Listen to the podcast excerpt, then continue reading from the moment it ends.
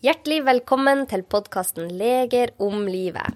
Mitt navn er Anette, jeg er utdanna lege, og jeg laga denne podkasten for å gjøre nyttig og god og spennende kunnskap om kropp, helse og sinn lett tilgjengelig for oss alle.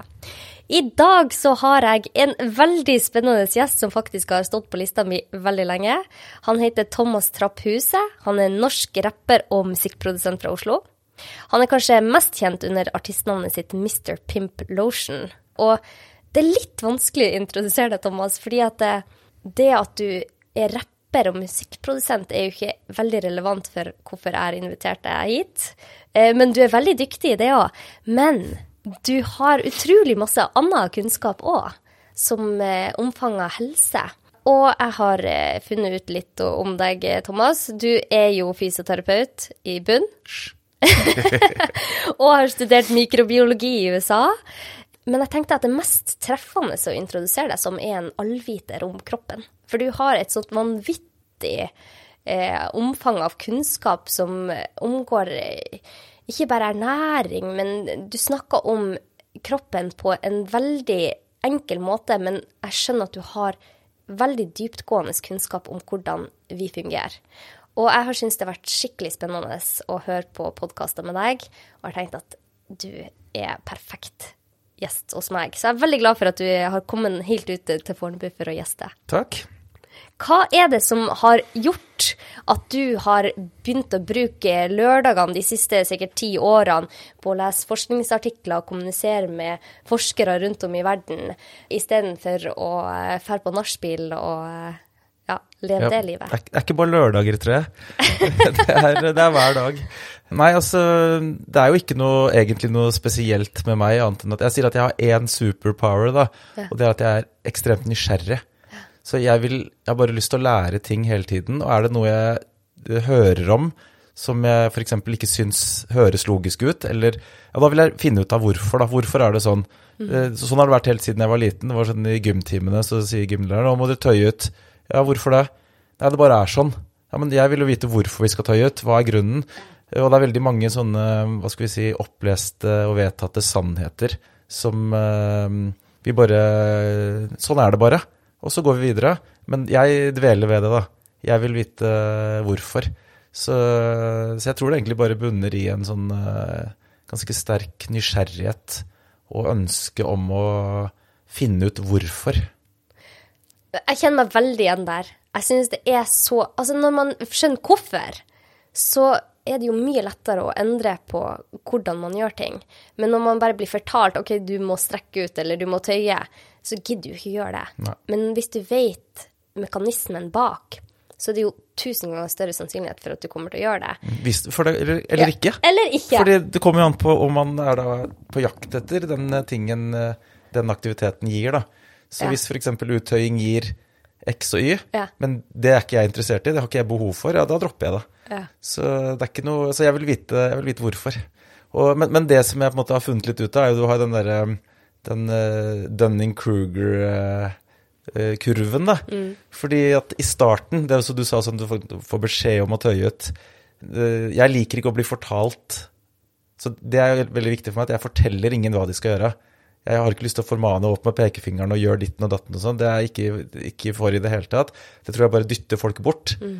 Men i starten, når jeg var, måte, fant ut, begynte å utforske og dykke litt sånn dypt ned i disse tingene, så var jeg Da trodde jeg at jeg kunne alt. Ja. Og da var jeg veldig litt sånn på skal vi kalle det misjonsfronten, da. Jeg tror egentlig gjelder alle når de oppdager noe nytt, så blir de veldig gira ja. og veldig opptatt av å fortelle andre om dette her. Og, og mens eh, jo mer jeg da har eh, dykket dypt ned i det, jo mer innser jeg at jeg ikke kan. Ja. Så nå er jeg sånn nesten Hva skal jeg her å gjøre? Jeg kan jo ingenting. Fordi nå har jeg funnet ut såpass mye at uh, det jeg vet, er at jeg kan, jeg kan ikke nok. Ja, det, jeg trodde jeg kunne mye, ja. og nå vet jeg at det er, jeg kan, det er masse jeg ikke kan. Det er så mye jeg ikke kan. Det er så komplisert. Ja, helt vanvittig komplisert. Alt henger sammen. Ja. Og, og, det å få overblikket på dette, og det er egentlig kanskje det som Altså, du, du, du, snakket om at dette var leger som hørte på Jeg, tror kanskje at det sånn Det litt sånn dumme med legestanden, eller forskere, eller hva som helst, at ofte så har man litt sånn snev, snevert felt, eh, altså snevert felt da, mm. som gjør at man mister man sitter med liksom nesa rett ned i boka, og så får man ikke denne oversikten. For det er en av de tingene jeg opplever jo dypere jeg går inn i dette, er at nesten alt henger sammen. Så det, er ikke, det holder ikke å kunne ett fag. Man må ha oversikten over alt.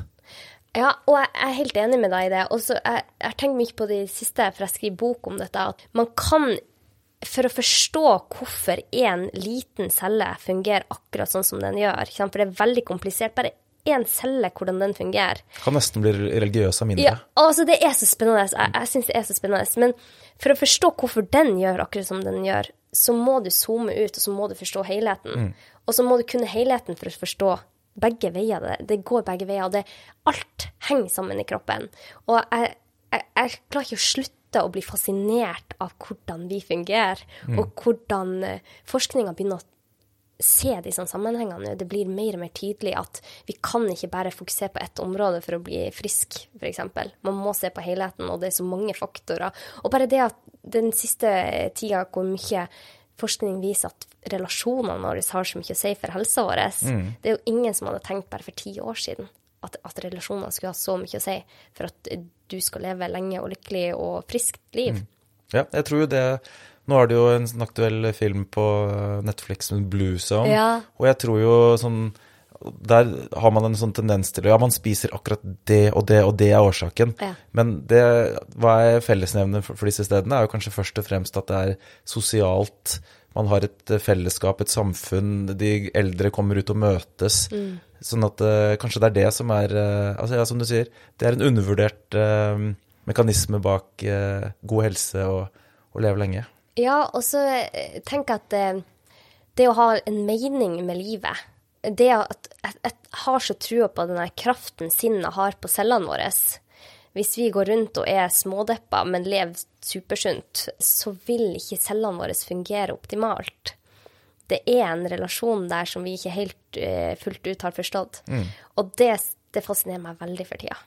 Men Thomas, du, du, du, har så mye kunnskap om så mye Jeg har ingen kunnskap i det hele tatt, det var ikke det vi ble enige om. Det, det, er det vi har funnet ut. Ok, Men du har veldig mye kunnskap i forhold til de fleste om hvordan kroppen fungerer. Hva var det som gjorde at du ble så interessert i dette? Nei, som jeg sa, det har jo begynt med at jeg har vært nysgjerrig og litt uh, ikke tatt uh, sannheter for gitt helt siden jeg var liten. Mm. Men jeg tror faktisk det begynte med første gang jeg ble fortalt om Det er ganske mange år siden nå, når eh, noen kom og fortalte meg om dette lavkarbofenomenet. Ja. Hvor det da var sånn eh, Ja, kjøtt, kjøttdeig er sunnere enn karbonadedeig. Gulrot er usunt. Altså, liksom, altså, det er jo ikke det.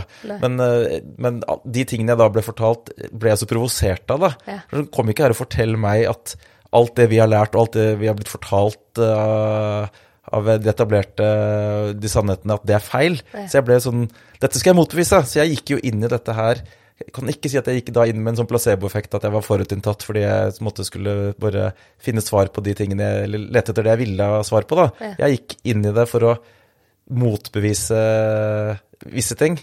Og så viste det seg at jo mer jeg dykket uh, ned i det, jo, jo mer oppdaget jeg at mange av de tingene jeg trodde kanskje ikke var sånn likevel. Mm. Så det begynte egentlig der, og da ble bare nysgjerrigheten min vekket. Og etter det så har jeg bare eh, lest bøker og studier og mm. kommunisert med forskere rundt om i verden og ikke se på TV lenger. og det er min underholdning, da. Ja, det er min underholdning. Jeg elsker å sitte seint på kveld og lese nye bøker om hvordan helsa fungerer. Men hvordan begynte du bare å google, rett og slett? Eller det begynte vel med, med Google, ja. ja. Eh, det er også sånn um, Det er jo en del år siden nå, ja. og det er dessverre en sånn tendens som jeg har eh, kanskje opplevd litt, da Eh, uten å bli konspiratorisk, men det er vans blitt vanskeligere og vanskeligere å google seg fram til ting. Ja. For det er, det er, en sånn um, altså, uh, Google opererer tydeligvis med en sånn algoritme som gjør at den,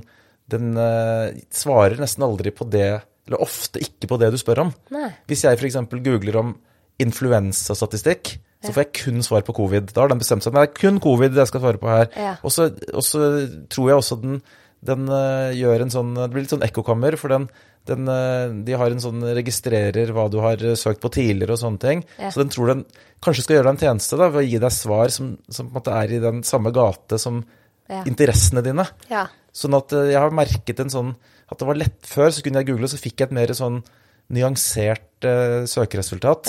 Mens nå, nå er det vanskeligere å finne ting på Google, fordi det er akkurat som at den, Google driver og filtrerer ut litt eh, hva du får av svar, da. Ja, Hvor er det du søker opp nå, da? Nei, også, det er jo fortsatt Google, eller jeg bruker jo sånn uh, DuckDuckGo og sånn, men, eh, men man må rett og slett bare inn på PubMed eller Ja. Google Scholar eller noe sånt, så Ja. søke i, i uh, databaser der, da. Ja, det gjør jeg òg.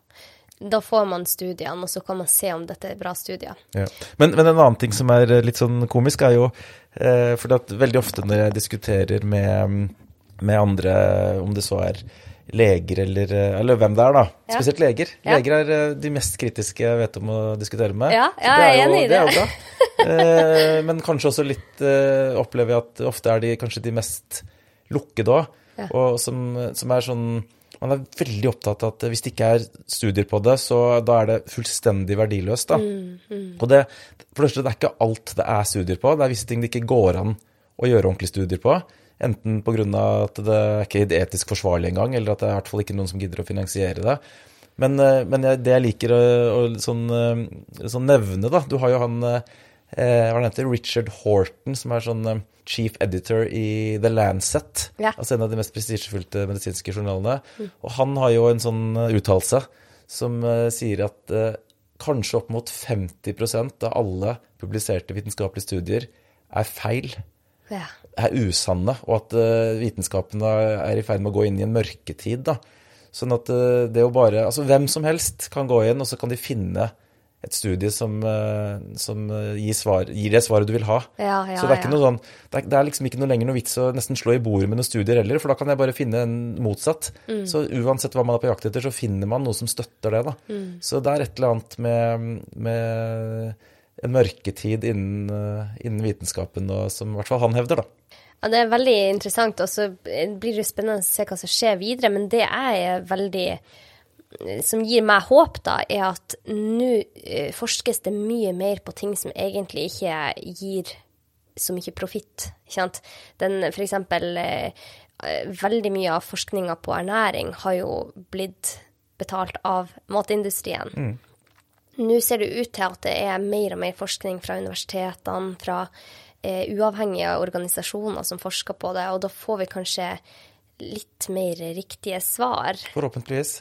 For det er også en sånn annen quote fra en annen veldig kjent eh, forsker, som er at jo mer økonomisk interesse det er i et felt, jo mindre øker sjansen for at det vitenskapen kommer fram til, er sant. Ja. Så det at det ligger eh, en, penger i, i bakhånd der, er, eh, det er ikke nødvendigvis spesielt gunstig, da. Men ernæring er jo veldig vanskelig å forske på også. Ja, ja, ja. Det, det er egentlig sånn Egentlig så er det umulig. Så, så eh, man må Derfor så har jeg bestemt meg for at jeg heller eh, Da forsker jeg på meg selv. ja. Og da, om det så n equals one er litt sånn eh, ikke helt vitenskapelig, så, så er det i hvert fall Hvis det funker på meg, Ja. så vet jeg iallfall at det funker for meg. Hvor lenge har du forska på din egen kropp? Nei, det begynte vel eh, Det begynte jo så gradvis, da. Men, eh, men eh, jeg har jo drevet med alt mulig av forskjellig type kosthold og fasting og ja, diverse. Og, og så har det bare eskalert, da. Sånn at nå tar jeg jo mye blodprøver og gjør en del sånne, sånne ting for å Egentlig mest for, å, for det er så mange som spør. Ja. Så fordi at hva er, sånn, hva er egentlig god helse? Er det noen tall man får i en eh, blodprøve? Eller er det å føle seg i skikkelig god form, ha masse energi og, og rett og slett bare føle seg frisk, da? Det, det er ikke alltid man kan eh, ha et tall på det. Ja, altså, eh, det er så godt sagt, det. Når jeg var, jeg var jo veldig syk på medisinstudiet. Hadde gått gjennom De som hørte på podkasten, har hørt denne historien flere ganger, så den er kjedelig. Men i hvert fall, det starta med en heftig antibiotikakur på tre uker. Slo ut hele tarmfloraen min. Hadde ikke tatt en, hadde en Paracet før jeg var 16 år. Og så eh, begynte jeg å bli, få mye urinveisinfeksjoner, masse antibiotika. Begynte å få lungebetennelser, masse antibiotika. Tok sikkert antibiotika tre ganger i året. Fra jeg var 16 til jeg var sånn eh, 26 år. Begynte å utvikle mange symptomer. Autoimmune sykdommer, fikk mye leddsmerter, migrene, hodepine. Jeg hadde det helt jævlig, eh, hvis jeg kan si det sånn. Og jeg tenkte at dette må jo slå ut på blodprøver. Men blodprøvene var fine. Mm. Men jeg følte Og da hadde du god helse. Og da hadde jeg god helse, ikke sant? Mm. Men jeg hadde jo ikke det. Jeg var dritsliten og hadde, følte meg elendig hver dag, og det gikk jo utover min mentale helse også. Og så det liksom Det med blodprøver, det er så vanskelig, for at jeg har Når jeg jobber som fastlege, så får jeg inn pasienter, og jeg ser jo på dem at de er syke. Mm. Men blodprøvene kanskje kan være helt fine. Men det handler om hvordan du føler deg. Sånn som nå, nå er jeg 36 år og har aldri følt meg bedre og våkna med masse energi hver dag og har blitt kvitt mine lidelser. Så det er liksom det er håp der for de som føler seg dritsliten og tenker at nei, dette er bare sånn jeg kommer til å ha det. Mm. Så det du sier om at det vi, det vi, føler, er jo kanskje det aller viktigste. Mm. Det er vanskelig å forske på akkurat dette. Mm. Sikkert hvis jeg hadde fortsatt den veien som jeg gikk, så hadde jeg jo sikkert utvikla mer sykdom og fått utslag på blodprøve etter hvert. Men jeg er veldig glad for at jeg ikke fullførte den stien der og heller gikk på en ny vei. Mm. Så nei, det, akkurat det der er kjempeviktig poeng du mm. har. Jeg er jo også, En av tingene jeg er veldig opptatt av, er jo dette med, med mikrobiomet da, og, og tarm, tarmbakterier og i det hele tatt bakterier på kroppen generelt. Ja. da. Så, og det er jo en Altså alle de rare tingene eller, altså, Jeg syns jo ikke det er rart.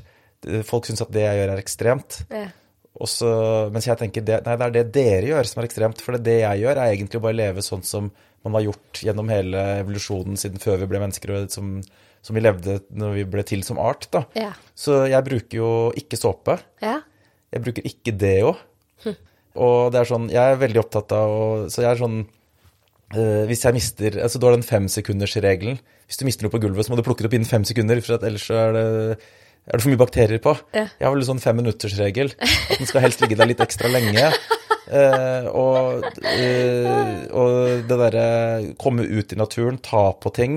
Kanskje, også, kanskje ikke sånn inn og da desinfisere hendene rett etterpå, men bare sånn få disse naturlige bakteriene ja. som fins i naturen. Og det er litt sånn Hvordan er det man opp, eh, oppfører seg eh, som, som menneske sånn, eh, litt, hvis man er litt sånn ur urmåte uh, å være på, da, ja. så er det sånn det er high five med en, en vinner. Liksom skal liksom, man skal klemme, Hvis noen gjør noe bra, skal du liksom gi dem en god klem. Skal feire. Jeg tror alt dette her er en sånn måte og sånn, Jeg vil ha litt av bakteriefloraen til han vinneren der borte, så jeg må, jeg må gi ham en high five. da. Så jeg tror at veldig mye av den atferden vi mennesker har, fra på en måte sånn grunnleggende av, er at vi faktisk ønsker å, å dele litt bakterieflora. Ja, ja, ja. Mens da under covid så gjorde vi det helt motsatte. Det var jo lockdown og antibac eh, opp og ned i mente. da. Og, og, hvor man da ikke fikk noe sånn spredning av, eh, av flora.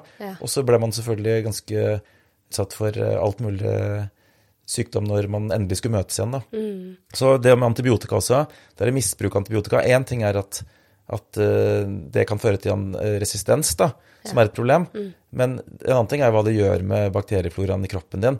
Og, jeg, og antibiotika er jo kjempebra mm. hvis man må ha det. Mm. Men hvis man ikke må ha det, mm. så er det jo, må man ikke ta det. Man må vente til de gangene kroppen ikke kan ordne dette her selv. da. Og det som jeg syns er veldig fint å vite, er at man faktisk kan bygge opp tarmfloraen sin igjen. Jeg er jo så glad i tarmflora at eh, overlegen på eh, en av mine veiledere på hud, jeg jobber som hudlege en stund, um, han sa at han skulle kjøpe meg et glass med tarmflora så jeg kan ha på nattbordet mitt. For han ville ikke høre snakk om at jeg skulle snakke om det i lunsjen mer. Ja. Men tarmflora er superspennende. Og det som jeg syns er så fascinerende med tarmflora, er at når jeg gikk på studiet, femte året på mitt medisinstudie, så gikk jeg til gastrologiprofessoren på universitetet og så sa jeg hvorfor er det sånn at tarmlidelser øker? Og de øker ikke bare litt, det er en eksponentiell kurve her. Og så sa hun til meg at vi vet ikke. Men før så diagnostiserte jeg ulcerøs kolitt og Crohns tre ganger i måneden. Nå diagnostiserer jeg det tre ganger om dagen. Mm. Ja, hvorfor tror du det? Jeg har jo um, eksempel eh, Altså, jeg gjør jo veldig mye for at tarmfloraen min skal ha det optimalt. da. Ja. Så både så spiser jeg jo da fermentert mat. Ja. Eh, jeg eh, spiser hovedsakelig økologisk. For jeg tenker at det, Jeg vet ikke helt sikkert, men eh, en del av disse sprøytemidlene som bruker, eh, hva slags effekt har de på tarmfloraen min? Kanskje det er, eh, kanskje det er en god idé å spise økologisk i stor grad? Det er jo antibakterielt, mange av disse Ja, ikke sprøytemidlene. Det er jo for å drepe bakterier. Ja. Og, og hva med sånn lettbrus? Mm. Hva gjør aspartam for For at folk sier sånn Nei, men det er jo, Aspartam det er noe av det mest Det er forska så veldig mye på. Det viser, du må ha en sånn enorm dose for at det skal være kreftfremkallende. Mm. Ja, Men kanskje det ikke er kreft som er problemet med det. Kanskje det er at det, kanskje det er tarmfloraen. Nettopp. Ikke sant? Det, det er akkurat det. Vi, vi kan forske på én ting. Okay, Aspartam gir kanskje økt kreftrisiko ved at du drikker fire liter i timen i, i hele døgnet. Men hva skjer med tarmfloraen din når man tilføyer et stoff, kjemisk stoff som tarmfloraen vår ikke er vant til i det hele tatt, hvis man ser evolusjonsmessig på det? Og jeg får lyst til å spørre deg om mange ting her, da, eh, Thomas. Hva, eh, hva mener du med at du tar vare på tarmfloraen? Hva, hva, hvordan eh, gjør du det sånn rent generelt i hverdagen din? Eh, nei, altså det er jo gjennom eh, På tarmflora, tenker du på? Ja, ja, Nei, det er jo nummer én, da, at jeg, jeg spiser bare ekte mat. ja. Hva det vil si for deg? Det er mat som eh, mer eller mindre ser ut som den, eh, sånn den kommer fra, fra naturen. Altså, det nærmeste prosesserte jeg spiser, er ost. Ja. Så eh, jeg spiser da ekte mat, og jeg spiser en del fermentert mat. Altså, Fermenterer du det selv? jeg har ikke kommet så langt ennå, men jeg, jeg er såpass heldig at uh, siden jeg er litt uh, offentlig person Ja. innen disse tingene, så er det ganske mange som tar kontakt, og som eh, Så jeg har, jeg har en del tilganger på folk som gjør det, som jeg får lov å kjøpe. Du har tilgang på Du blir pusha fermenterte mat på. Ja, så, så både fermentert mat og eh, da f.eks. Um, upasteuriserte melkeprodukter får jeg jo litt tilgang på. Oi, oi, oi. Men det kan godt være syrende, så er, da kan det være lovlig. Ja, ja, ja. Eh, Det er for så vidt lovlig hvis det er tilfeldig salg, da. Ja, det er lovlig. Ja. Og så spiser jeg Ja, så da på en måte sånn uh, u- upasteuriserte oster, uh, yoghurter, eh, sånne ting. Og så bruker jeg da For det en ting er tarmbakteriene, men jeg tenker bakteriefloraen på hele kroppen. Ja. Så jeg bruker jo da ikke noe antibac eller noe antibakterielle ting, da. Men når du, Eller såpe. bruk, men når du ikke bruker såpe, eh, vil du ikke lukte etter hvert? Du som trener så mye. Du får komme og lukte, da. Nei, altså det, det Dyr i naturen lukter jo ikke svette. Ja. Det, grunnen til at du lukter svette, er jo fordi at det er en viss type bakterier som egentlig kanskje ikke hører hjemme, da, i, f.eks. under armene dine, som havner der fordi du driver og vasker det bort hele tiden med såpe. Du vasker bort de gode. De gode, ja. Så nå har jeg da over veldig mange år levd på en sånn måte at eh, den naturlige bakteriefloraen, den har da den har bosatt seg på kroppen min. Og da blir det ikke svettelukt. Det er, eh, så vi har blitt litt lurt til at vi er nødt til å bruke såpe for å få bort uh, svettelukt. Og det, altså, du skal jo ikke så mange, mange år tilbake i tid før Det var jo ikke noe sånn, så, sånn ekstremt såpebruk sånn som det er nå. Selv sjampo er jo et relativt nytt fenomen. Ja. Så da får man en uh, naturlig bakterieflora, og da lukter man ikke svette. Så det Ja. Og det samme med altså, eh, bakteriefloraen i munnen også, f.eks. Ved Ja. å bruke så innmari mye sånne eh, antibakterielle munnskyller og sånn. Da ødelegger du den naturlige bakteriefloraen. Mm. Og så som igjen da ikke, ikke gunstig for helsa. Da. Mm. Man vet jo f.eks. at altså er, altså bakteriefloraen i kroppen har jo så mye å si. Det, det er jo ganske kjent at hvis du har eh, en viss type bakterier i munnen, f.eks., så er det forbundet med eh, hjertesykdom og sånne ting, fordi det sprer seg til andre steder Ja, i, kroppen. Da. Og, og igjen også dette med, med tarmflora, så er det jo man ser jo at, eh, at det påvirker Altså den eh, connection mellom bakteriene i kroppen og resten av kroppen jo Jeg tror det er det neste man kommer til å eh, lære mye om, og det blir forhåpentligvis forskes mer på. Men man ser det er en connection mellom eh, hjernen og tarmflora, og også hud Ja, ja. og tarmflora. Ja, ja, ja. Og det der, ikke sant, Hvis man går en del tilbake, år tilbake i tid, så var det sånn at der, hvis du liksom har, altså Det er mange grunner til at man kan få kviser og sånn, men altså, det var sånn Nei, det, ikke, det har ingenting med kosthold å gjøre. Og det, det, er, det er ikke sant. Nei, det er ikke sant. Det er faktisk ikke sant. Og det er jo jeg, det er studier nå, f.eks. Jeg pleier å dra fram den, for jeg syns den er litt uh, veldig, Den viser godt dette fenomenet her, da. Hvor man da tok uh, rotter og ga en, uh, en sånn fecal transplant. Hvor man da hadde rotter som viste en sånn schizofren atferd. Ja. Og så ga man de eh, noen rotter som ikke gjorde det. En eh, tarme... Hva heter det på norsk? Fecal transplant? Tarme... Fekaltransplantasjon. Ja. Og så da utviklet de rottene da også eh, schizofren atferd. Mm. Bare gjennom å få den samme tarmfloraen. Og det har vært mange sånne studier som har vært reprodusert med angstlidelser, fedme, autoimmune lidelser. Altså det der med at den tarmfloraen vår, den er, den er hellig. Ja. Det finnes jo en utrolig fascinerende lege som bor i Harstad. Han er egentlig fra Tyskland. Han heter Frank Hilpers. Han eh, driver med fekaltransplantasjon i, på sitt fastlegekontor. Og da velger han de som får lov da til å eh, gi sin, eh, sitt mikrobiom, da. De må være unge, friske, aldri tatt antibiotika, helst leve ute på gårdene. Aldri, nei. Altså, det, men han tar de friskeste, Ja, ja. ikke sant? Og så har han forska på det og gir dette til syke mennesker som har veldig mange forskjellige typer lidelser, men særlig IBS, da. Og de blir så friske. Mm. Men ser man ikke ofte at eh, den friskheten er litt forbigående? Altså, han ser at for mange så vedvarer den, men det har skjedd i resten av landet, har jeg hørt, at de sliter med at de får eh, tilbakefall etter tre til seks måneder. Han tar ofte de inn igjen etter tre til seks måneder hvis det skjer, sånn at de får en ny runde. Mm. Men da er jo spørsmålet hvorfor får de tilbakefall? Jo, fordi den grunnleggende årsaken er jo da hvordan de lever og hvordan de spiser. Sånn at det er jo eh, det er en boost. da, Det er litt sånn som Wegovy, det nye sånn slankemiddelet, som kan sikkert gi en bra boost hvis man ønsker å gå ned i vekt. Men det tar jo ikke den grunnleggende årsaken. Så man må jo ta tak i hvorfor.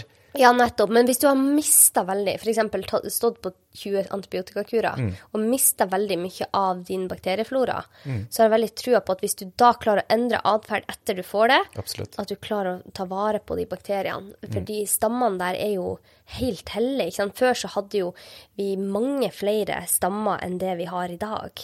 Og ser man på Hadsa-stammen i Tanzania og alle disse stedene, så har jo de en mye rikere bakterieflora enn det vi har. Så jeg syns det er um, Ja. Jeg tror jo også, dette blir veldig mye synsing, men jeg tror jo også at det, det er ikke noe fasitsvar på hvilken, hvordan bakterieflora man skal, for det kommer jo litt an på hvor i verden man lever, og, og klima, og Ja. hva slags mat man har tilgang på og sånn. Ja. Så jeg tror ikke at nødvendigvis at vi som bor i Norge eh, trenger eller skal ha den samme bakteriefloraen som uh, Hadsa eller uh, noe sånt uh, i Tanzania, da. Og jeg er så glad for at du sier det, fordi at det som skjer, eller det som har skjedd, er at ok, nei, men da må vi kjøpe goji-bær fra liksom, Himalaya-fjellene, og kjøpe eksklusiv mat fra hit og dit for å få en mer mangfoldig tarmflora. Men vi vil jo danne en tarmflora som passer det kostholdet vi spiser her. Det er jeg hellig, hellig overbevist om. Så det det er et veldig godt poeng som du tar opp. At det, det kan jo hende at ikke vi skal ha de samme stammene som de har i Tanzania, der de har helt annet kosthold og helt andre typer bakterier, parasitter, virus Mm. Ja, for det styres jo av det, det miljøet du har rundt deg. Ja. Og du, altså, man trenger jo ikke å tenke så veldig sånn dypt på det, egentlig. For man ser jo alle disse problemene som du sier med IBS og en del sånne ting som er plutselig så veldig, veldig økende, da. Ja. Det, det er jo ikke sånn at uh, vår, altså våre forfedre som levde i Norge for eh, 100 år siden eller 200 år siden, som ikke hadde disse plagene, de hadde jo ikke, drev jo ikke og spiste goji-bær og kjørte på. Ja. Sånn at det er, jo, det er jo en grunn til at helse Altså, det har skjedd en enorm økning i veldig mye helseproblemer og autoimmune sykdommer nå på veldig kort tid. Så det er jo et eller annet som har skjedd nå, la oss si de siste 50 årene, da, så, som vi gjør feil. Og så ser vi at vestlige verden har veldig Altså, vi har mye likt mikrobiom. Eh, og så ser de også at ikke når de importerer ape eller dyr fra andre land og setter de inn i, i dyrehager rundt om i vestlige verden, så får de veldig lik tarmflora som oss og blir oftere syke. Så den tarmfloraen vi går rundt med i vestlige verden, er sannsynligvis ikke optimal, i og med at vi ser at det er så masse sykdommer som øker. Men jeg tror på at vi klarer å snu denne trenden. I hvert fall gjennom å bli bevisste, da. Så, så som sagt, så nest, altså, veldig mye av det jeg praktiserer altså, det, det som jeg starter med å si, det er at alt henger sammen. Ja. Så der, eh, hvis du får oversikten, så ser du at det sånn Veldig mye av det, de tingene vi gjør, de er sånn eh, som jeg trodde ikke hang sammen. Altså jeg har kanskje isbading, eller jeg har eh, sauna, eller jeg har fasting, eller alt mulig sånn, og så ser jeg på det, ja, men jeg visste at alle de tingene separat skal ha en positiv helseeffekt, og jeg merker det, og så ser jeg plutselig når jeg går enda dypere i det, så ja, men de henger jo sammen. Eksempel, alle påvirker mitokondriene på en viss måte, sånn at det er, det, Ja. man må på en måte få helheten i det, og da ser man at, at eh, ting henger sammen, da. Det er noe av det mest spennende jeg vet om for tida, er cellefunksjon og mitokondriefunksjon og hvordan alt det der henger sammen med vår helse. Det, det, altså, jeg, jeg klarer ikke å la være å synes det der er superspennende at vår mitokondriefunksjon, som er kjernekraftverket i hver celle som gir oss energi, det har så utrolig mye å si for vår mentale og fysiske helse. Har du hørt om Christopher Palmer fra Harvard?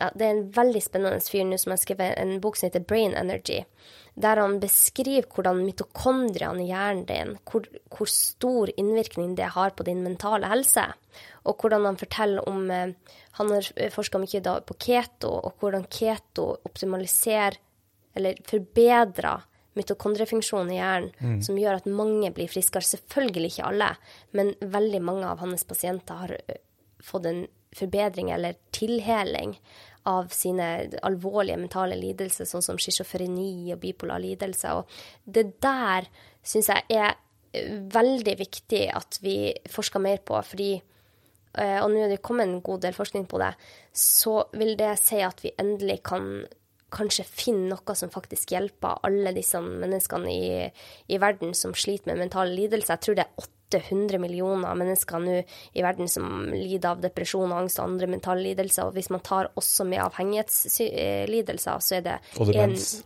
ja, ja, da er det jo i hvert fall Men det er jo én milliard med avhengighet, og så kommer demens, ikke sant, og eh, alle disse nevrologiske sykdommene. Så eh, vi går inn i en veldig spennende tid. Ja, jeg, eh, jeg, har, jeg ser lyst på framtiden, faktisk.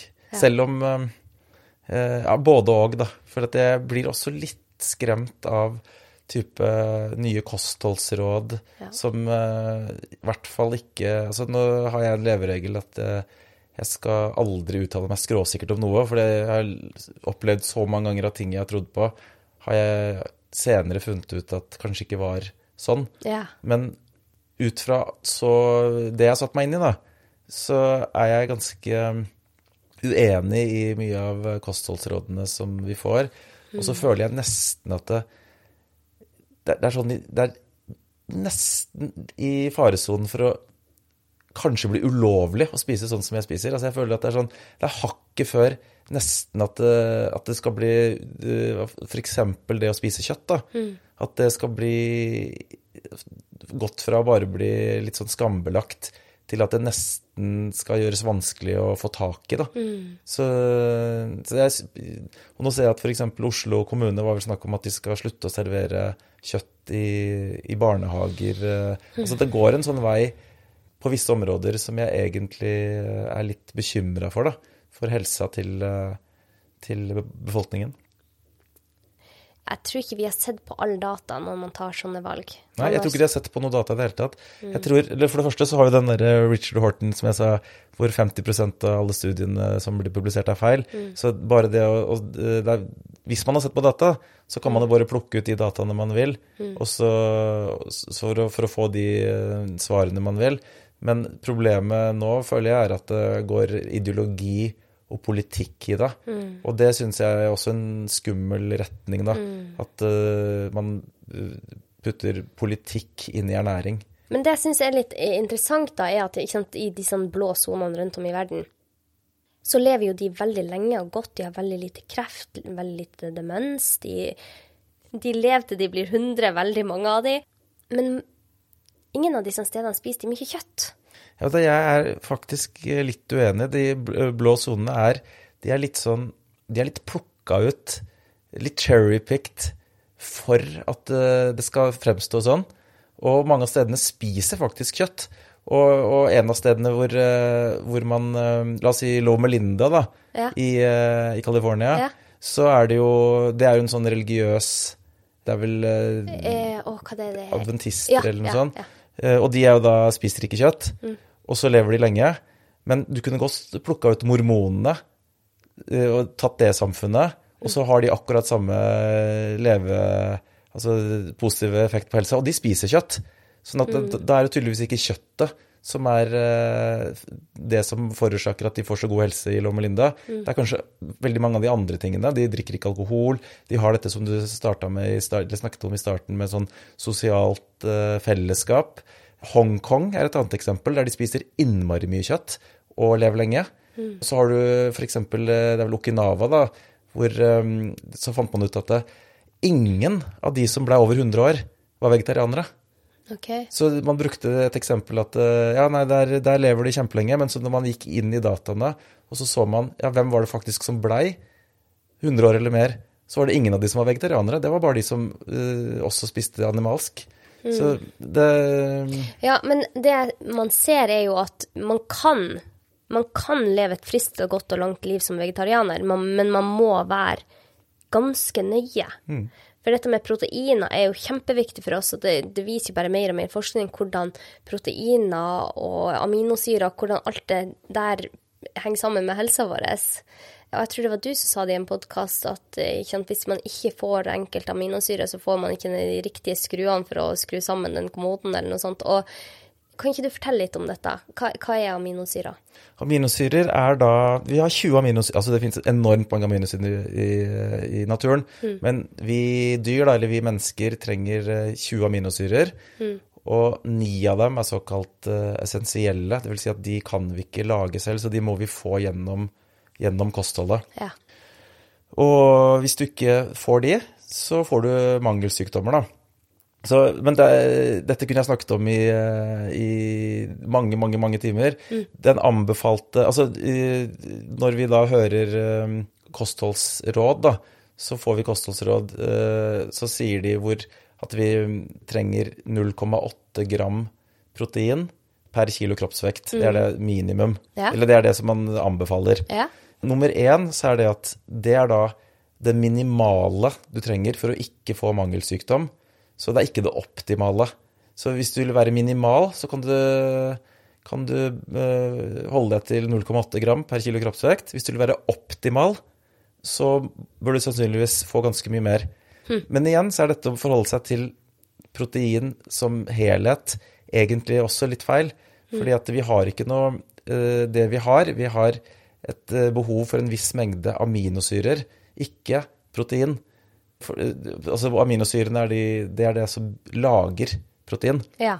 Så, eh, det, er- det er, eh, så for å gjøre en sånn sammenligning, da, så kan du si at eh, du har et behov for en viss mengde vitaminer i kroppen. Ikke du har behov for tre vitaminpiller i døgnet. Ja. ja. Du, må, sant, du må gå ned på et lavere nivå. Ja, så det hvilke, eh, Og det, det vi trenger, er en viss mengde aminosyrer, og, en viss, og den mengden, da, da må det inneholde en del av disse essensielle. Ellers så hjelper det ikke om du har aldri så mange gram protein i døgnet, hvis du ikke har de essensielle, da. Men sliter vi med å få i oss nok proteiner i vestlige verden? Det kommer litt an på hvem man spør. Og, men, og hva slags kosthold du, man praktiserer. Men hvis man spiser veldig mye kalorier, Ja. Så får man sannsynligvis nok protein. Ja. Så det er det som er uh, poenget her, at hvis du skal få i deg nok protein uten å overdrive kaloriinntaket, så er du kanskje Er det lettere å få det i seg gjennom å spise animalsk, da. Så for at uh, La oss si at du trenger La oss si du f.eks. trenger eh, 100 gram protein i døgnet. Ja. Eh, Hvis du baserer det på, la oss si, bønner, da, så er da eh, ratioen eh, protein til karbo i bønner er sånn 1 til 3, 1 til 4, la oss si 1 til 3, da.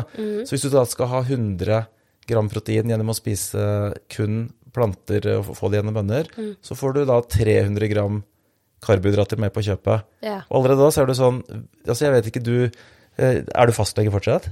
Eh, nei. Nei. Men hvis du, når du var det, da, eller, eller eh, hva anbefalte du av Hadde du noen formening om hva du anbefalte pasientene pasienten din av altså, mengde protein, mengde karbohydrater, mengde fett i døgnet?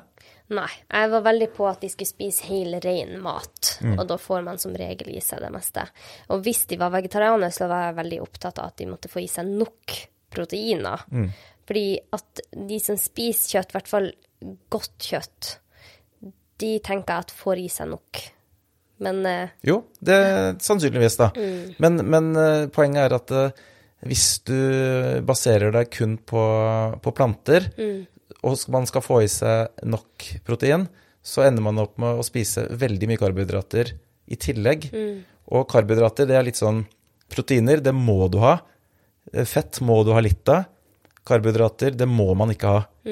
Og hvis du skal spise 300-400 gram med karbohydrater i døgnet, da bør du være en ganske aktiv person for å ha behov for disse karbohydratene.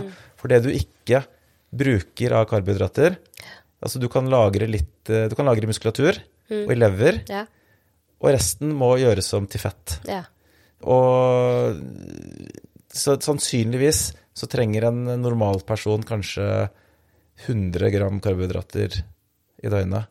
Så hvis du da må ha et kosthold for å få i deg nok protein, som er sånn at du, du ender opp med å spise mange hundre gram karbohydrater i døgnet, så, så derfor så er det i hvert fall mye lettere å få i seg disse proteinene eh, gjennom eh, f.eks. kjøtt eller egg eller ost. Sånne ting. Så det jeg ville anbefalt uh, hvis, jeg var en, uh, hvis jeg var Dr. Lotion, så ville jeg anbefalt at man hadde kanskje en én-til-én-rate mellom proteiner og karbohydrater, Mm. istedenfor én til veldig mye mer, da, som er det som, eh, som eh, befolkningen kanskje spiser. For det, det kommer altså Det er jo hele dette med sånn overvekt og ja, kanskje også snakk om sånn longevity og sånn, så er det det er faktisk eh, Og så er det sånn Er det kalori inn, kalori ut-modellen som teller? Er det, er det kalorier som gjør deg tjukk? mm. Eller overvektig, da? Eller er det karbohydrater, eller er det fett? Men det, det man kan si, er at det, spiser du altfor mye kalorier, så vil du bli Det vil lagres som, eh, som fett på kroppen, da.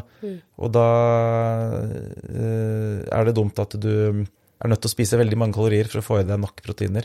Sånn at protein, da, det er en sånn Da har du en eh, Det er en fast Det, det kan du ikke gå inn, inngå noe kompromiss med. Du må ha en viss mengde protein hver dag. Så hvis du da f.eks. er på en slankekur, eller du har blitt litt eldre, altså du har mindre appetitt, Ja. så er det ikke proteinet som skal gå ned. Det er eh, de andre tingene. For du må fortsatt ha disse 100 grammene eller 120 grammene eller, eller, eller hva, du, hva det er som du har funnet ut at du trenger. Da. Og da, da vil si at oftest opererer man med prosentandel fett, karbo og protein, men det funker jo ikke, da. Fordi at hvis du er en eldre person med lav, eh, som da har mindre, ikke trenger så mye kalorier, Ja. så må da prosentandelen protein må bli høyere. Ja, ja. Fordi du trenger fortsatt det samme antall grammet, da. Og det som også er eh, sånn Du snakket jo om at eh, du har mye mm, kvinner som eh, lyttere. Ja. Fordi spesielt kanskje kvinner, da, er de som eh, kanskje da sliter med å få i seg nok protein. For det, sånn er det bare. Det har noe med sånn Kanskje de ikke er eh, spiser eh, det er så, Damer er ikke så ofte lett, glad i å bare bøtte nedpå svære biffer, f.eks. Kanskje spise mye salat. eh, og at de generelt sett trenger mindre kalorier, så de spiser mindre, har mindre appetitt enn eh, en, eh, menn. Men de trenger fortsatt den samme mengde protein i døgnet. Men, men hvorfor trenger vi proteiner? Jo. Kroppen består av eh, protein. Musklene våre er protein. Og organene er protein. Nesten, altså, eh, kanskje 50% av kroppen består av protein. Og det proteinet det brytes ned konstant. Hele tiden så bryter man ned proteiner i kroppen.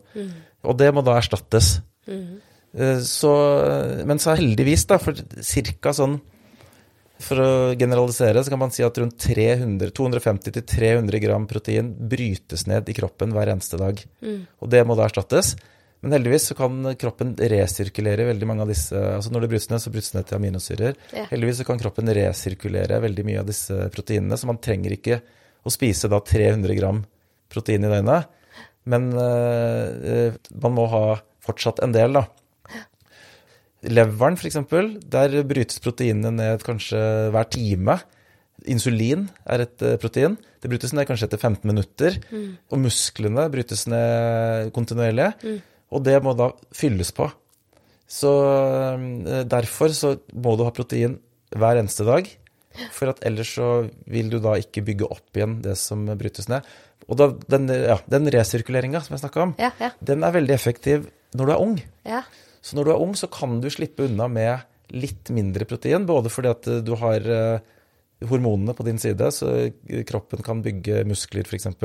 uten å ha så gunstig tilgang på protein. Men når du blir eldre, så blir den resirkuleringa dårligere.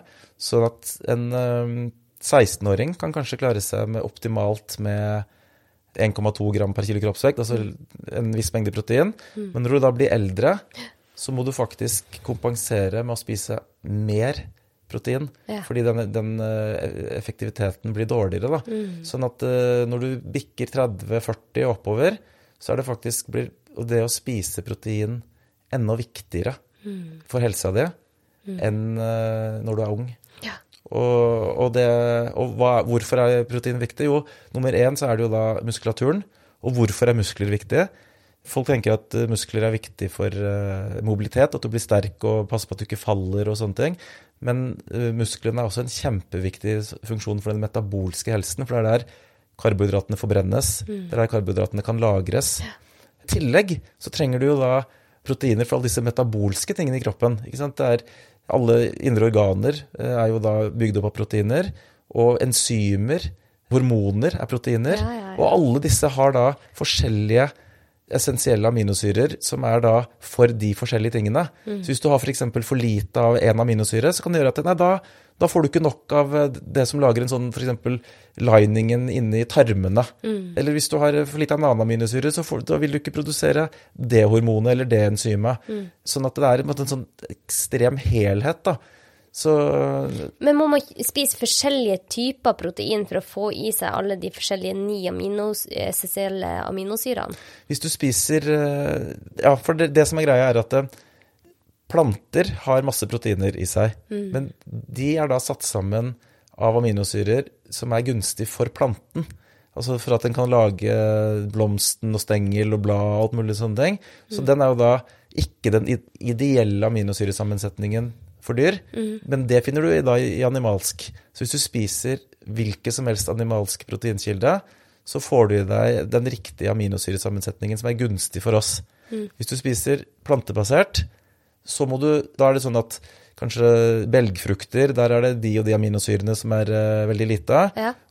Så da må du passe på da å kanskje da spise belgfrukter, men så må du også spise da kanskje noen kornprodukter. Ja. Så kanskje er, Altså, du må uh, ha forskjellige kilder for å uh, bygge det sånn at du får til sammen de riktige aminosyrene. Men det er jo veldig viktig å si, da, for de som er vegetarianere og hører på, at de husker på dette. Mm. Men, og det som er det dumme med det, er at det er kjempekomplisert. Ja. Sånn at det, hvis du spiser animalsk, så er det bare å spise dette kjøttet eller egget eller eh, fisken eller hva du spiser, og så er det ikke noe mer å tenke på. Hvis du spiser altså Hvis du er veganer, da, som du ikke spiser noe animalsk i det hele tatt, så er, da må du være uh, litt skolert. Da må du jobbe ganske hardt for å sette sammen den riktige, riktige sammensetningen for å få optimalt eh, med de riktige aminosyrene. Og så har du også med det at du kan ikke bare lese på, på innholdsfortegnelsen hvis du kjøper et, eh, et produkt som er plantebasert, eller eh, gå inn på nettet og se hva inneholder en nøtter, eller hva inneholder eh, soyabønner, eller sånt. Fordi at det går på Det ene er jo hvilke, hvilke aminosyrer det inneholder, men det andre er biotilgjengeligheten. Altså kan kroppen få alle disse proteinene som står på pakka.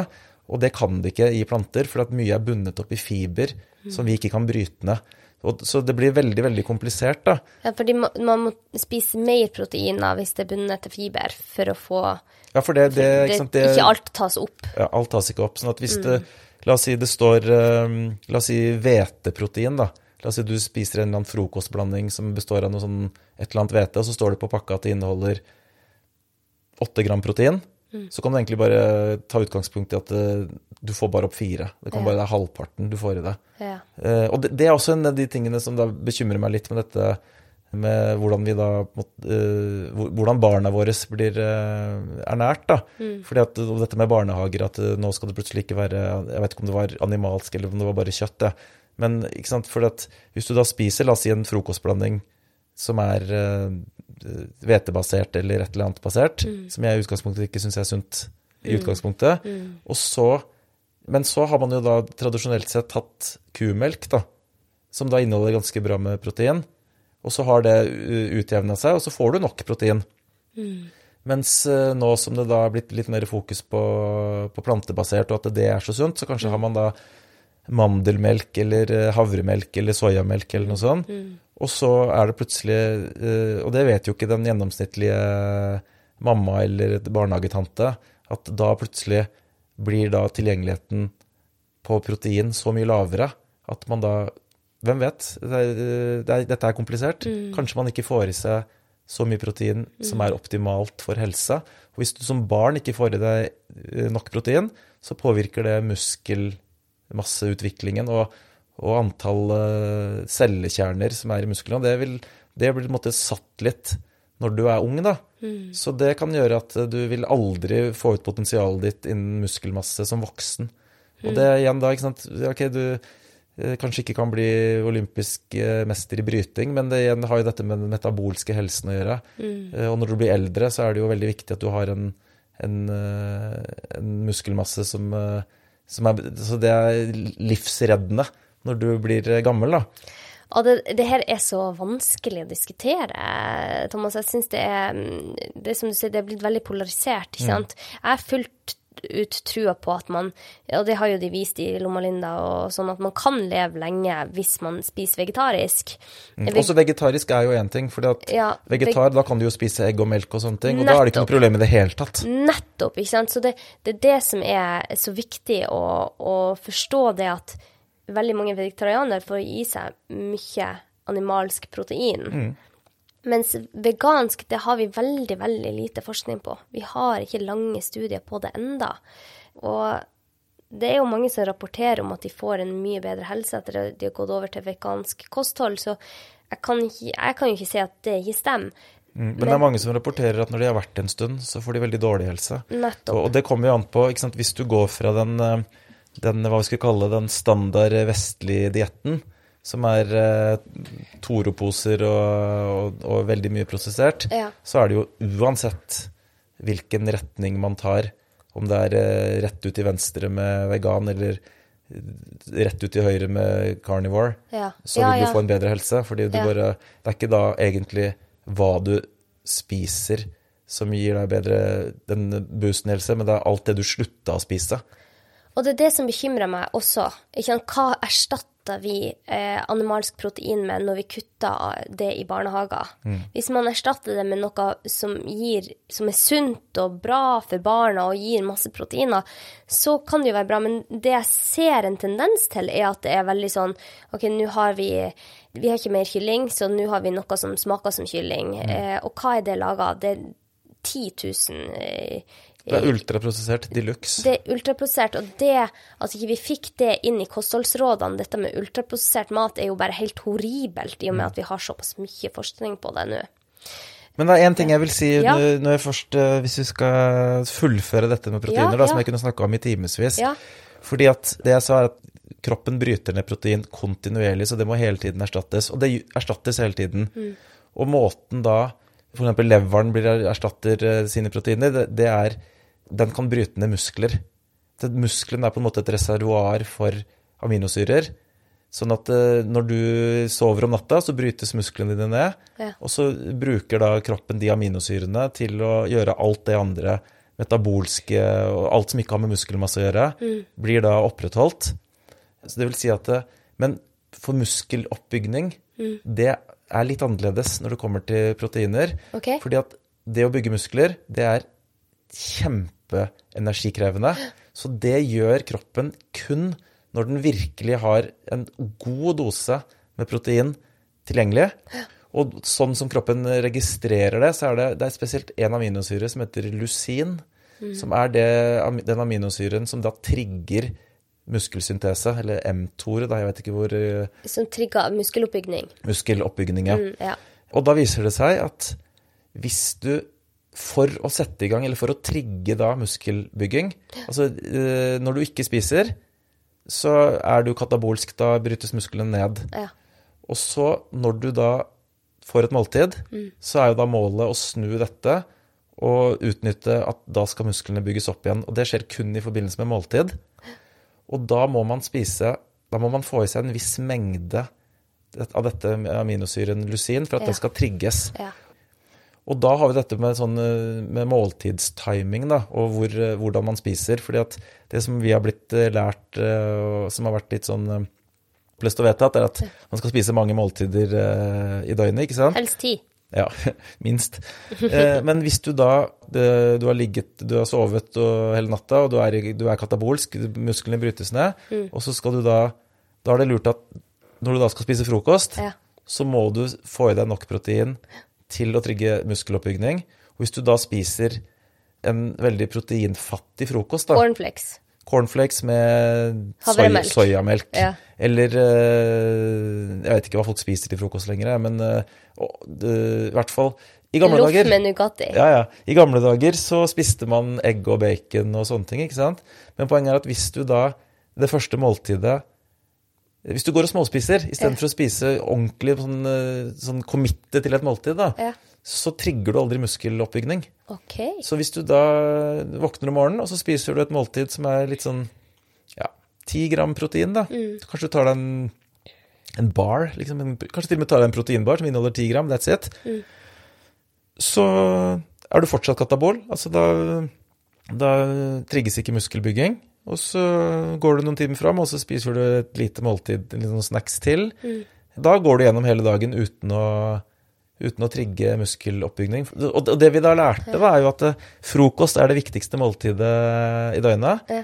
Og på en måte så kan vi faktisk si at det er det, men det kommer jo an på når du spiser frokost. For jeg, min frokost er jo på ettermiddagen. Ja. Men det første måltidet du spiser etter en lang periode uten mat, Mm. det bør være proteinrikt. Ja. Ellers så setter du ikke i gang denne muskeloppbygningen, og da vil du bare miste muskelmasse, da. Ah, det her er superspennende. Hvor mye hvor, eh, Altså, hvor mange studier har vi på dette nå? Ja, dette er masse, masse, masse. Så dette er ganske trygt å si nå. Altså, igjen, eh, Richard Horton, 50% av alle Ja. studiene som publiseres er feil, så at jeg skal ikke være skråsikker på noe. Men jeg er jo så nerd at jeg kan jo ramse opp mine sånn favoritt-proteinforskere. Det er liksom uh, Gabrielle. Lyon, uh, Doug Patton Jones, Lane Norton, Stu Phillips og kongen av dem alle, Donald Layman. Ja. Så, Så det kan folk google hvis dere blir veldig interessert i Ja. akkurat dette. Men uh, igjen, det blir det, det er veldig spennende. Altså, jeg kunne snakka med deg om tusen ting, for at nå får jeg veldig lyst til å snakke med deg om fasting. Men det jeg skjønte at du vi snakket om tørrfasting i stad før vi eh, Ja, ja, ja, for at jeg drikker vann når jeg faster. Men, Huff da. Ja. men, Men, men igjen, da, grunnen til at, at, eh, at fasting Altså, det kommer an på hvem du spør, men, eh, men eh, det, er enkelt eh, La oss si hvis du er Det kommer an på sånn, Hvis du er en proteinforsker, så vil du være litt skeptisk til fasting, fordi du ser den effekten det har på å, å tære på muskelmasse. Ja, ja, Hvis du er en, eh, en forsker som forsker på, la oss si, metabolsk helse, eller eh, du er en eh, Da vil du være veldig pro-fasting, da. Mm. Så, så at det kommer litt an på sånn Men der igjen, da må man komme opp og så få denne helhets... Uh... Ja, for at det, det er veldig sprikende. Skal. Jeg leste en bok fra Peter Attia, som er lege i USA. mm, jeg kjenner til han. Ja, og han var jo for fasting, og nå er han blitt mer og mer skeptisk, fordi at han mener at vi kanskje ikke får i oss nok protein, og han mener at eh, muskelmasse er så utrolig viktig for helsa vår. Hva, hva er dine tanker om det? Nei, altså jeg har jo inntil ganske nylig praktisert eh, det som eh, kalles OMAD, one meal a day. Altså jeg har spist Ja. én gang i døgnet. Ja. Og det, det har funka ekstremt bra for meg, vil jeg påstå, da. Mm. Eh, Jeg har ganske sånn god track på kroppskomposisjonen min. Ja. Jeg vet eh, hva, jeg, sånn, hva jeg veier, Ja. og jeg vet hvor sterk jeg er. Sånn at eh, jeg har ikke mista styrke eller muskelmasse, selv om jeg har praktisert eh, å spise en gang i døgnet. Men hvis du spør disse proteinforskerne, Ja.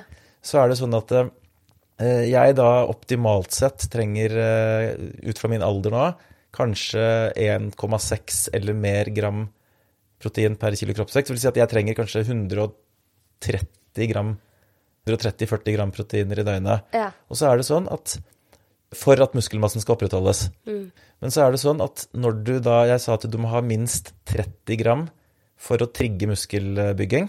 Mm. Men det er en øvre grense òg. For det viser seg at det, hvis du spiser mer enn 60 gram, så klarer ikke musklene å bruke det. Altså de proteinene blir brukt, men de blir ikke brukt til muskeloppbygging. De blir brukt til alle de andre tingene eh, protein trengs til. Ja. Sånn at hvis jeg da spiser har en sånn intermittent fasting eh, spisemønster hvor jeg da spiser én gang i døgnet, så i hvert fall da ifølge denne forskningen så kan jeg kun få i meg da 60 gram protein som går til muskelmasse, og det er da ikke nok for meg. Men Så, nå spiser du flere ganger om dagen? så nå prøver jeg i hvert fall å spise flere ganger om dagen, men det blir jo fort eh, at jeg ikke klarer det, da. Fordi at det, det, tida går, og plutselig så er det, er det middagstid. Men, eh, men eh, Og så er det sånn Ja, den forskningen sier det, men den stemmer jo egentlig ikke helt med min med min oppfatning av hvordan jeg forsker på meg selv. sånn at Jeg har til og med diskutert dette med han Donald Layman. Kan det være sånn at hvis du lever sånn og sånn og, og, og trener sånn og sånn, at det faktisk, og du trener opp kroppen til å, å spise kun en gang i døgnet, kan den da ta opp mer enn disse 60 grammene? Han trodde ikke det, da. Men eh, derfor så har jeg eh, i hvert fall hatt som en intensjon å prøve å spise i hvert fall to ganger i døgnet. For hvis jeg spiser to måltider med minst 60 gram protein, Ja. så er jeg iallfall oppe i 120, da. Ja, al- altså jeg leste en artikkel om det i Aftenposten, der han eh, og hva han heter, Sondre Sundby hadde eh, sjekka deg på Holmenkollen treningslab. Og han hadde jo ingen trua på noe av det du gjorde, men han sa jo at det var, du var i sjokkerende god form. Ja, jeg syns det.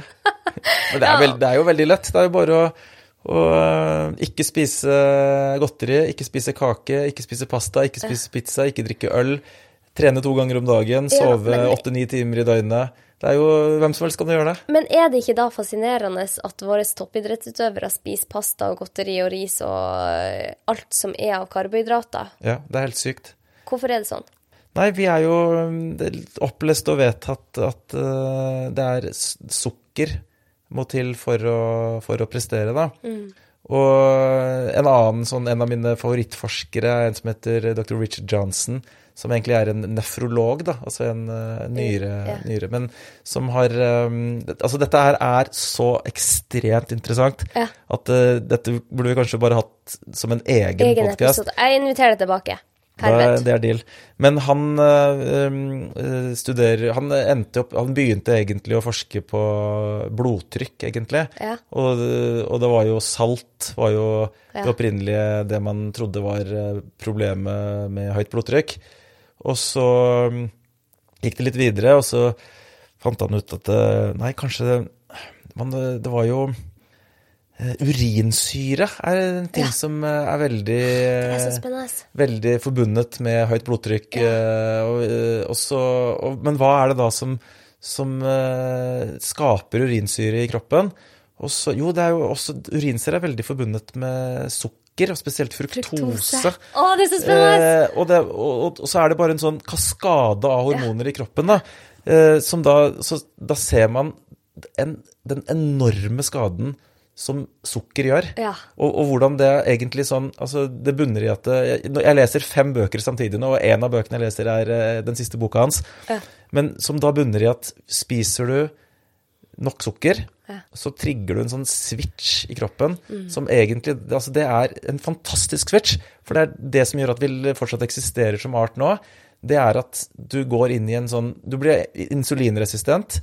Du blir, for lavere forbrenning, og du lagrer fett. Ja. Og det er hadde det ikke vært for det, så hadde vi ikke eksistert som art lenger. Men det er veldig lite gunstig for oss nå i vestlig verden som har tilgang på mat hele tiden. For da er vi konstant i denne i, Skrudd på denne bryteren, da. Ja. Og, det, og selv om du da Altså det da forskningen viser, er at det, at hvis, altså Han på en måte mener at det er fruktose da, som er en av de store store grunnene til eh, metabolsk syndrom og overvekt og nesten alt, alt som er av sykdommer. Men så viser det også da, når man har eh, gjort studier på rotter, da, for det, man kan jo ikke gjøre dette her på mennesker, mm. at hvis man høyt eh, kaloriinntak er på en måte sånn et av problemene med fruktose, for det gjør at du blir mer sulten. Og du blir leptinresistent, vil si at du, du blir ikke mett. Nei. Men hvis man da eh, fortsatt eh, Så det er jo i det virkelige liv, så er jo det altså Grunnen til at vi overspiser, er sannsynligvis da fruktosen, som igjen da lager den urinsyren, og som da gir en sånn eh, stress på mitokondriene våre, og, og gjør at uh, forbrenninga blir lavere, og Ja. sulten blir høyere og sånt. Ja. Men så viser det seg at hvis man i et laboratoriesetting da, eh, gjør at man fortsatt spiser en, eh, en høykarbohydratdiett, men man begrenser kaloriinntaket, Ja. så legger ikke disse rottene på seg. Men hvis du inni dem, så har de fortsatt de samme problemene. Mm. Da har de fortsatt eh, fettlever, høye triglycerider, Mm. høyt blodtrykk, insulinresistent, eh, høyt blodsukker. Sånn at, eh, men disse idrettsutøverne som da driver og bøtter ned på eh, så veldig mye sukker, Ja. og så ser de slanke ut på utsiden Mm. fordi at de forbrenner alt dette. Men hvordan ser de ut på innsiden? Det, det er litt sånn, det lurer jeg på, da. Mm. Ja, ja, Og, og hvordan helse får de etter, etter eh, karrieren er over. Fordi det er rett og slett denne mengden sukker, den har eh, en sånn det trigger en kaskade av hormonelle ting som skjer i kroppen, Mm. som gjør at eh, du rett og slett blir eh, metabolsk syk, da. Akkurat dette har jeg blitt veldig fascinert av òg de siste par årene. Hvordan glukose påvirker kroppen vår. Ja, men egentlig fruktose, da. Ja, og så er det ikke sant, Men det, det, ikke sant, i bordsukker så er det jo glukose og fruktose. det er fruktose. 50-50. Så vi får jo i oss veldig Jo, jo. mye fruktose. Ja, det er jo ingenting som inneholder kun glukose. Eller jo, altså eh, poteter og ja, altså stivelses... eh, Ja. Men, men, men det som da også viser seg, er at det, hvis du har spist nok sukker over en periode, så trigges et eh, enzym i kroppen som gjør at Som du da plutselig får, da. Som eh, gjør at eh, kroppen kan omdanne glukose til fruktose. Ja. Så når du først har trigga det Jeg tror det heter aldosreduktase, Aldos reduktase, tror jeg det heter, eh, det enzymet.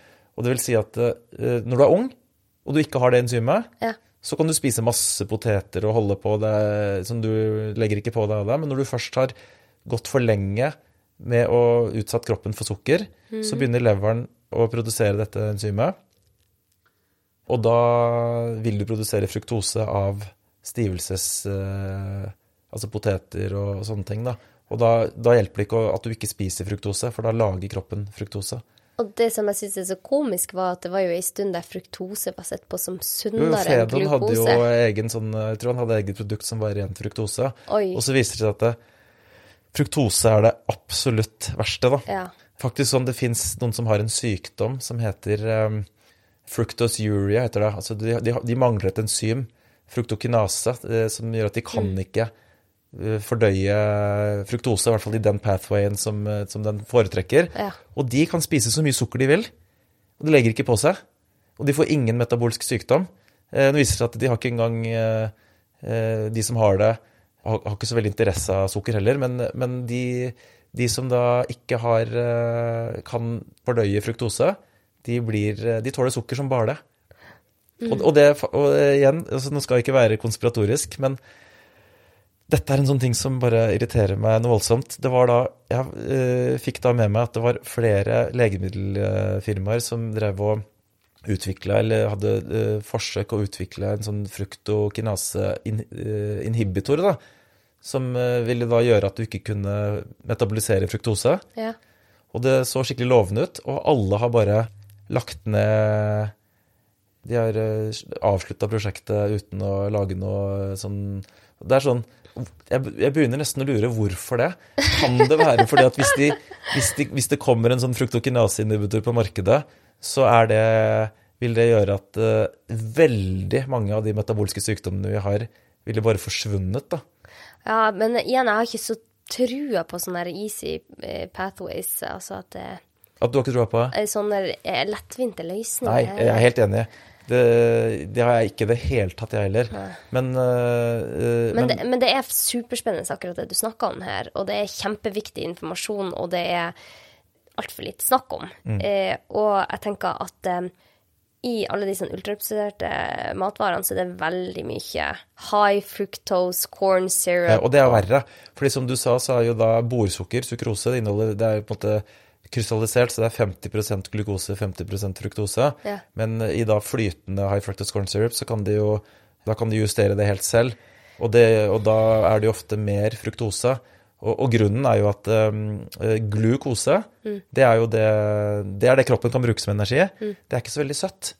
Mens fruktose er det som gjør det veldig søtt. Ja, det er tre ganger søtere, Ja, så jo mer fruktose du Altså jo søtere en ting er, jo mer fruktose er det i det. Ja, og det er jo det de gjør med godteri til Mm. barn nå. Og så er det billig, ikke sant. Så det er veldig, veldig søtt og masse fruktose i masse av disse smågodtene og ja. Ja. Og så, men igjen tilbake til eh, sånn prosessert mat. Jeg har jo Jeg vet ikke om det er noe sånn De som lytter her, er de samme som også lytter til bl.a.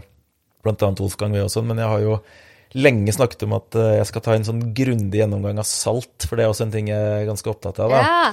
Så jeg kan jo bare tease litt, da, for jeg er jo egentlig veldig pro salt. Men det kommer jo altså det igjen, Alt er jo så komplisert, og det er jo så mange ting som, eh, som spiller inn. Men så viser det seg at eh, hvis du spiser mye salt, eller hvis du er dehydrert, da, Ja. så fører det også til denne release av denne, dette enzymet som omgjør glukose til fruktose i blodet. Så hvis du har litt høyt blodsukker, Ja. og i tillegg spiser salt mat, eller du bare er dehydrert, så produseres det masse fruktose i kroppen. Hva i alle dager? Det forklarer bl.a. da hvorfor f.eks. at pommes frites eh, er eh, så fetende. For da har du alle disse karbohydratene som er i potet, Ja. som da ikke inneholder fruktose. Men så er det jo gjerne salta ganske bra. Ja. Så da blir det jo Da får du høyt, høyt eh, saltkonsentrasjon i blodet samtidig med at du får eh, høyere blodsukker. ja. Og da er det bare full fres på å omdanne omdanne til, eh, Fruktose. til fruktose. Egentlig så omdannes det først til sorbitol, og så til fruktose. Så det vil si at det, hvis du spiser tyggis og en del sånne ting med sånn kunstig søtning, eller med sorbitol, da, Ja. og tenker at det er sunt, men da må man ha i bakhodet at sorbitol kan igjen gjøres om til fruktose, da. Er superspennende det her. Jeg- må invitere deg tilbake, Thomas, for vi har masse, masse å snakke om. Men før vi avslutter, så må vi også snakke om at For nå har vi snakka om eh, animalsk protein, vi har snakka om fruktose og glukose. Men det er jo veldig viktig for tarmfloraen vår, bare for å ta en full, full circle, at vi får i oss grønnsaker. At vi får i oss eh, fiber. Du, er- altså, du rister litt på hodet. Jeg, jeg, jeg er ikke uenig. Ja. For det, veldig ofte så når vi, når vi vokste opp, så var det sånn at du må spise du må spise fiber, for det er bra for uh, konsistensen på uh, avføringa. Men det uh, kjøper jeg ikke. Men at det er en del tarmbakterier som trenger det, disse fiberne til å, som mat, Det vet vi jo. det vet vi jo. Mm. Sånn at derfor trenger man eventuelt fiber. Det er for tarmbakteriene og ikke for konsistensen. Ja. Så det, det passer jeg på. ja, det er veldig bra. Men spørsmålet er da liksom, hvor store mengder trenger man?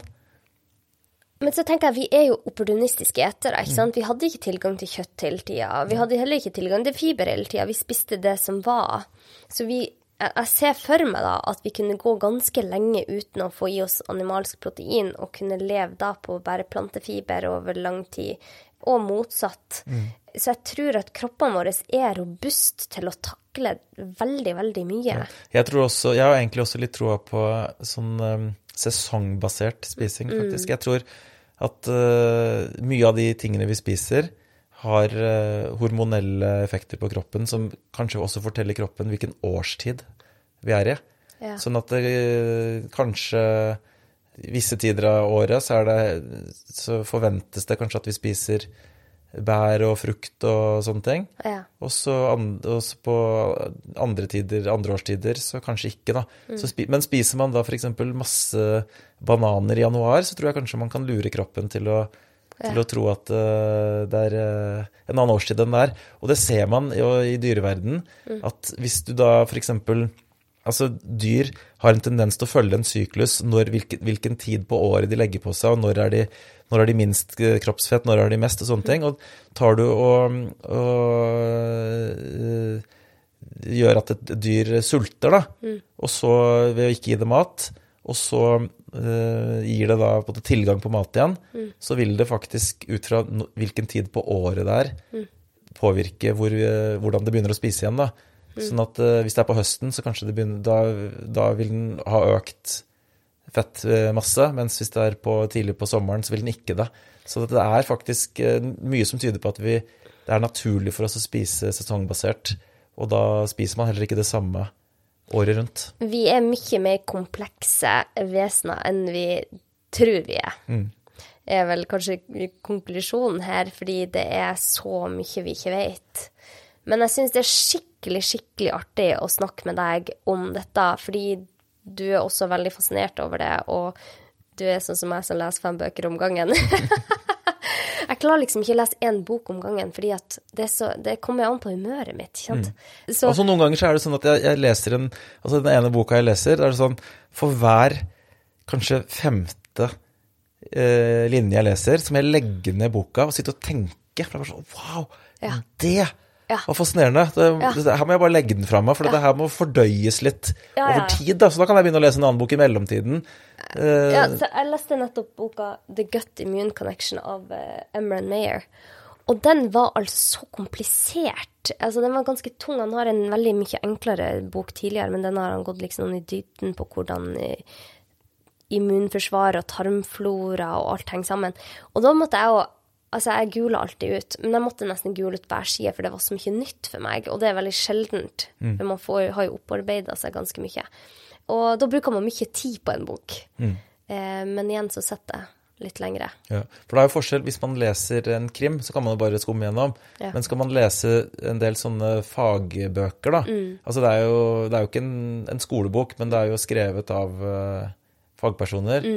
Så føler jeg at det, det må Det kan man ikke rushe gjennom. Nei, nei, Det må rett og slett uh, synke litt inn, da. Ja, det kommer an på hva type bok, men, men uh, hvis man ikke gjør det på den måten, så vil nesten alt bare glemmes. Ja, nettopp. Åh, nei, vi, er, vi går inn i en skikkelig spennende tid, for dette, det er bare Det er så mange forskere og leger og ja, folk som har eh, veldig mye engasjement her, som pusher denne kunnskapen, og den kunnskapen er mye mer lett tilgjengelig for flere nå. Så ja, vi går inn i et sånt kunnskaps... eh, en, I en kunnskapsrevolusjon, vil jeg si. Og så dessverre blir det også en, et stort kunnskapsskille. Fra, før så var det kanskje et mer skille mellom hvem som hadde eh, best økonomi, og hvem som ikke hadde det. Men nå er det mer sånn hvem som har kunnskapen til å leve friske, gode liv. Kroppen er fantastisk. Ja, men det er det. Ja, virkelig. Den tar vare på oss, eh, og det er utrolig hva den kan tåle, altså. Nå skal vi avslutte for dagen. Allerede? Ja, altså, dette er jo nesten rekord i, i min podkast. Jeg har aldri vært så kort, jeg. du er så vant til å være som Volkan, som går i tre timer. Sju og en halv er vel lengst det. Å, herregud. Jeg lurer på hvor eh, mye lytt den fikk. Jeg merker at jo lengre episodene mine er, jo mer lytt får jeg. Altså, folk ja. liker lange episoder. Jeg tror faktisk at uh, det er litt liten sånn motreaksjon til at veldig mye radio og TV og sånn er veldig kortformat, Ja. og man kommer aldri i dybden. Akkurat når det begynner å bli spennende, så er det sånn Nei, nå må vi avslutte. Ja. Så, så jeg tror det er en av de tingene som har gjort podkast så veldig populært. da. Ja. Men en og en halv time er jo langformat. Ja. Men eh, For det er jo ikke Det driver jo ikke de vanlige mediene med. eh, Nei, så nei. lange Når jeg diskusjoner. starta, så sa alle du må bare ha maks 20 minutter. Mm. Og jeg, mine episoder har blitt lengre og lengre. Fordi at man vil jo gå i dybden, og man vil jo forstå hvorfor det er sånn. Og du har en podkast, Thomas. Mm. Ja, så jeg har eh, to eller tre, kanskje fire. Men jeg vurderer Altså, jeg har- jo holdt på med podkast selv i veldig, veldig mange år. Ja. Men uh, nå er jeg i tenkeboksen om uh, jeg skal bli konkurrent til deg, da. Eller kollega, hva? eller hva jeg skal kalle det. Jeg blir så glad hvis du kommer ut med en helsepodkast. Vi trenger flere. Vi trenger så mange som overhodet mulig. Nå syns jeg det har poppa opp at det er innmari mye. Ja. Men det jeg egentlig kanskje sånn føler mangler i Norge, i hvert fall, Ja. er eh, noen helsepodkaster som kanskje er litt mer retta mot menn, da. Ja. Eh, litt mer eh, sånn maskulin tenkning og jeg liker jo å være litt sånn ekstrem og teste ut eh, ting, dra det litt langt. Tenker at, eh, at jeg kan eh, gå inn i, da. Ja, nei, men du, Veldig bra. Jeg gleder meg til å høre på den, og du får si ifra når den kommer, så skal jeg eh, lufte det til mine lyttere. Jeg har et siste spørsmål til deg. Mm. Hvis du måtte forlate planeten i dag, og så fikk du vite at du fikk lov til å gi tre råd til eh, nei, hele verdens befolkning, mm. hva ville det vært? Kast TV-en. Lag eh, maten fra bunnen av. Og kom deg ut i naturen. Veldig bra. Det likte jeg. Tusen takk for at du har delt så mye god kunnskap med meg og mine lyttere i dag. Ja, men jeg kan ingenting. Det er det, det, er det jeg har funnet ut. Ja, Det er kan, så mye jeg ikke kan. du kan eh, veldig mye mer enn de fleste, kan vi i hvert fall eh, si. Og har du et sted mine lyttere kan nå deg? Det er vel kanskje enklest på Instagram, da. Mr. Pimplotion. Det renner jo inn med, med DMs. Ja, det gjør det virkelig. Det er... OK, så eh, Mr. Pimplotion, også på Twitter. Er du ikke der? Nei. Nei. OK. Nei, men eh, tusen takk for at du ble med. Kjempehyggelig. Og hvis dere syns denne episoden var til nytte, eller syns den var spennende, tenker at noen har behov for å kunne dette, del den med dem. Det er sånn vi får ut den viktige kunnskapen. Og eh, med det så sier vi takk for i dag. Har du lyst til å rate podkasten, så er jeg kjempetakknemlig. Da når den ut til enda flere. Og med det så sier vi tusen takk for i dag. Ha en nydelig dag. Ha det godt.